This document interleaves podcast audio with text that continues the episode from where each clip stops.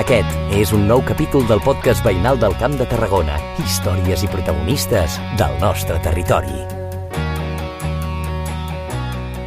Màgia, bombolles i vehicles són tres elements que tenen molt a veure amb el protagonista d'aquesta setmana del podcast de veïns. Soc Santos Marzac, visc a Cambrils i tinc 40 anys. Soc mag, bombollaire i professor d'autoescola. Santos Marzac, professor d'autoescola que en el temps lliure es converteix en mag. Descobrim quines eren les seves aspiracions quan era petit. Petit, jo suposo que en qualsevol criu el que vol és ser policia, ser bomber, espia, eh, pues coses que, que ens divertien de mirar la, la televisió, no? Però no, no tenia cap aspiració a res de lo que em dedico avui dia, per exemple. Doncs res del que ha acabat sent el nostre protagonista passava pel cap d'aquell petit Santos, tot i que, com molts, de petit va experimentar amb aquells clàssics jocs amb trucs per a nens. Va ser de més gran quan s'hi va acabar enamorant d'una forma casual. Bueno, és curiós perquè la majoria de mags que parla la gent diuen que la màgia ja des de ben petits, amb 4 o 5 anys, ja feien màgia i, i tal. Jo no. Sí que és veritat que de petit vaig tindre una, una caixa o màgia borràs, però era del, del Màgic Andreu i venia amb una cinta VHS i sí que és veritat que allí feia alguns trucs de màgia. Però la màgia com a tal no, no em va acabar de cridar l'atenció fins que em vaig complir doncs, 30-31 anys, que com que sóc professor d'autoescola i en un curs que, que, que havia estat mag. Llavors ens va començar a fer trucs de màgia així amb les cartes i a més el tio, com que ja no era mag, deia pues, mira, com que ja no sóc mag, us explico com ho he fet. I llavors allí em va agafar el gossanillo, ja li vaig preguntar a veure quin llibre podia comprar, quin tipus de baralla i tal, i, i llavors vaig començar. Seduït pels trucs d'un dels seus alumnes d'autoescola, en Santos va començar a fer de mag entre amics i familiars. De fet, de família és que ve lo de ser professor de conducció. Bueno, com que a casa tenia autoescola i tant el meu pare com la meva mare eren professors d'autoescola, pues, jo ja vaig anar directament a, a aquest ofici.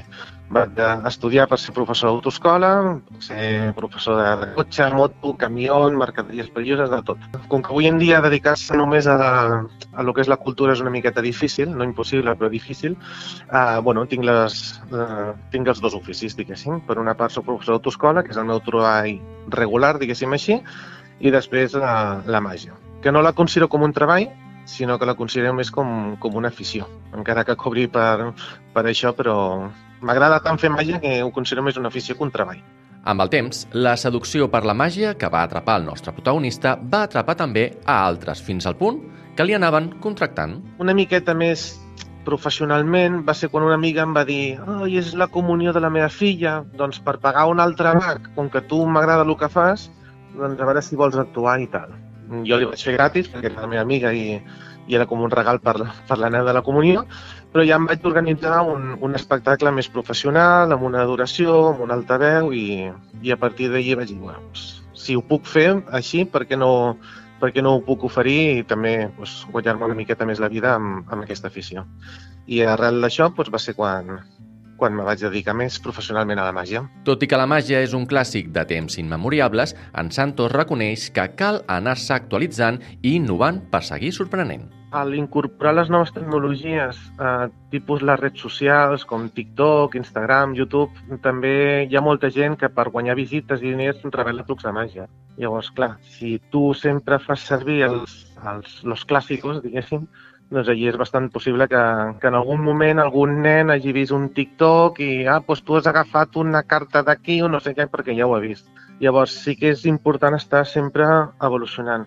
Però també et diré que més important que el truc és la personalitat del mag, també. Jo sóc un tipus de mag que, que no, no acostumo a fer màgia musical, encara que algun, algun truc de màgia tinc musical, no? Sobretot en el tema de les bombolles sí que és veritat que, que és tot musical, però ja és, una, ja és algo part de la màgia. Però eh, és molt important la personalitat, el com transmeteixes les coses. Llavors, a vegades, un mateix truc li veus un mag i un mateix truc li veus un altre i és completament diferent Uh, només per, per la personalitat que li fica el mag, perquè un truc pot ser més sèrio o pot ser més, més divertit. Jo, en el, en el meu cas, el que tiro molt és de l'humor. Llavors, a mi el que m'agrada molt és quan acabo una actuació i la gent me diu ostres, que bé m'ho he passat. Quin tipus de trucs de màgia i espectacle ofereix el nostre protagonista? Ens ho explica. A, veure, a mi el que més m'agrada són les cartes. Cartomàgia és, és el que més m'agrada perquè més amb, amb cartomàgia pots fer de tot. Pots fer desaparicions, aparicions, pots fer que volin, pots fer que es teletransportin, les cartes, vull dir, pots fer milions de coses. Però, clar, un espectacle només de cartes pues, no, podria ser molt, molt avorrit. Vale? Llavors, incorporo cordes, incorporo, si és un espectacle infantil, si trec nens, incorporo també mocadors, vull dir, també globus, bueno, depèn una miqueta l'espectacle, però quasi sempre, el que hi ha sempre al meu espectacle són cartes, eh, cordes i mocadors, això segur. I quin deu ser el número estrella del Max Santos Marzac? Pues el, els dos meus números estrella, quasi et podria dir que serien màgia de prop, que quan vull quedar bé i quan vull que la gent se'n recordi de mi, sempre faig un amb, amb forquilles, que rollo mentalista doblado de metales, a, a l'Anfield Lake, i després tinc una amb cartes de que, bueno, dos espectadors firmen una carta i firmen dos cartes diferents i al final és molt impactant perquè diguéssim que, que les firmes s'encuentren. I em pregunto com s'aprèn a ser mag? Com es va anar formant el nostre protagonista? Clar, jo quan vaig començar vaig partir de la base de, de que aquell, aquell senyor que havia estat mag i em va explicar els trucs, ell me va recomanar un llibre, un llibre de, cartomàgia, de cartomàgia, que era Cartomàgia Fàcil, i allí vaig començar. Vaig començar a llegir i vaig començar a practicar els, els trucs de màgia allí. Després és veritat que les redes socials, tipus YouTube, eh, allí ajuda molt. Ajuda molt, però també eh, és massa informació perquè una cosa que ens passa a tots els mags, i si parles amb un mag te dirà el mateix, que quan comencem volem aprendre-ho tot. Volem aprendre-ho tot, volem, volem comprar-nos tots els trucs que hi ha al mercat i, i és un error perquè la, la màgia és molt cara també. I a més no pots abarcar tant. Vull dir que mm, jo, per exemple, en el meu repertori de cartes potser tinc 10 trucs. De tant en quant eh, renovo algun, deixo un altre, perquè sempre fer el mateix també és... Però diguéssim que si em dius quants trucs tens en el teu repertori de cartes? Ara mateix tinc 10, 10, 11, 12, i vaig fent trucs nous i trucs vells, però clar, al començament tu vols abarcar tot, vols aprendre totes les tècniques i, i llavors és un error que cometem tots, tots els mags. Llavors, les redes socials tipus YouTube, que tu pots aprendre moltes coses i a vegades pensa coses sense valor, perquè llavors que t'ensenyen el truc, però la màgia no és només el truc. Vull dir que la màgia tu has d'anar portant l'espectador durant el, tot el truc perquè en el clímax final sigui sorprenent. No es tracta de mm, t'adivino que tu carta és el 9 de piques i ja està. Llavors, jo vaig començar molt autodidacta, vaig començar amb el llibre, vaig començar amb YouTube, eh, vaig cometre aquest error que, que et comento, i, bueno, i a poc a poc pues, vas coneixent mags, vas coneixent tiendes de màgia, vas comprant llibres, DVDs, vull dir, és que material de màgia ja n'hi ha per avorrir. Hi ha algun truc o joc que se li resisteixi o que costi especialment a Santos Marzac? n'hi ha molts, n'hi ha molts. Mira, el que més, el tema de monedes, jo crec que és el que més costa, perquè fer màgia amb monedes és, és molt complicat. Al final, en cartes, tots, quasi tots els mags comencen en cartes perquè les cartes pots fer trucs més senzills, pots fer trucs més complicats, amb, amb més manipulació, amb menys, però amb una persona que és molt novata en aquest món, eh, pot començar en cartes tranquil·lament. I en monedes sí que et diré que és el que més costa. És el que més costa perquè, bueno, per diversos motius que no, que no et puc explicar de la màgia, però, però sí, costa bastant.